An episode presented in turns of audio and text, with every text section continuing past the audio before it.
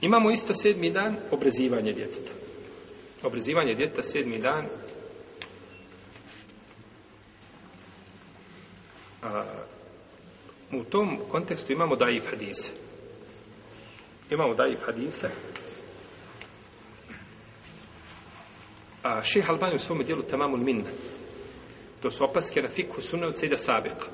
Spominje u poglavlju Tahareta kada je Sejid Sabik spomenuo, znači ovaj hadis rekao da je daif, on je naveo hadise koji ga pojačavaju. I kaže, po ovim hadisima su radile šafijski pravnici. Tako ima neovi navodi u prvom dijelu, u svom dijelu Nađmua, navodi da se, znači, da šafijski učenjaci smatraju, znači, da je, da je obrezivanje djeteta sedmi dan sunnet kao obrijanje glave i kao klanja kike.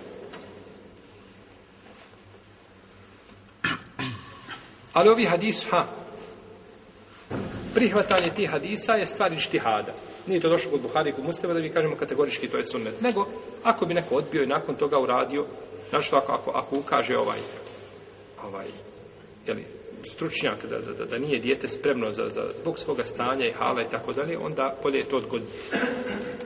Bolje je to odgoditi, ali znači taj sunnet nije potvrđen kategoričkim argumentom kao što su drugi.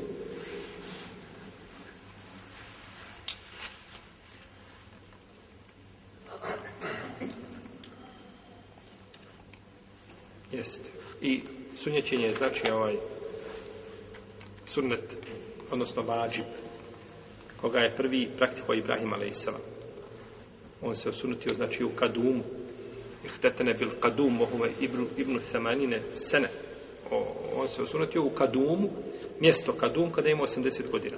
A neki kažu da se time kadum cilja da je to al alatka kojom se osunutio odsunatio se sa kadumom, sa tom alatkom. Neki kažu odsunatio se u kadumu, u mjestu. Može biti jedno i drugo, s odno tumačenjima. Uglavnom, kada ima 80 godina, ovaj, se sunatio.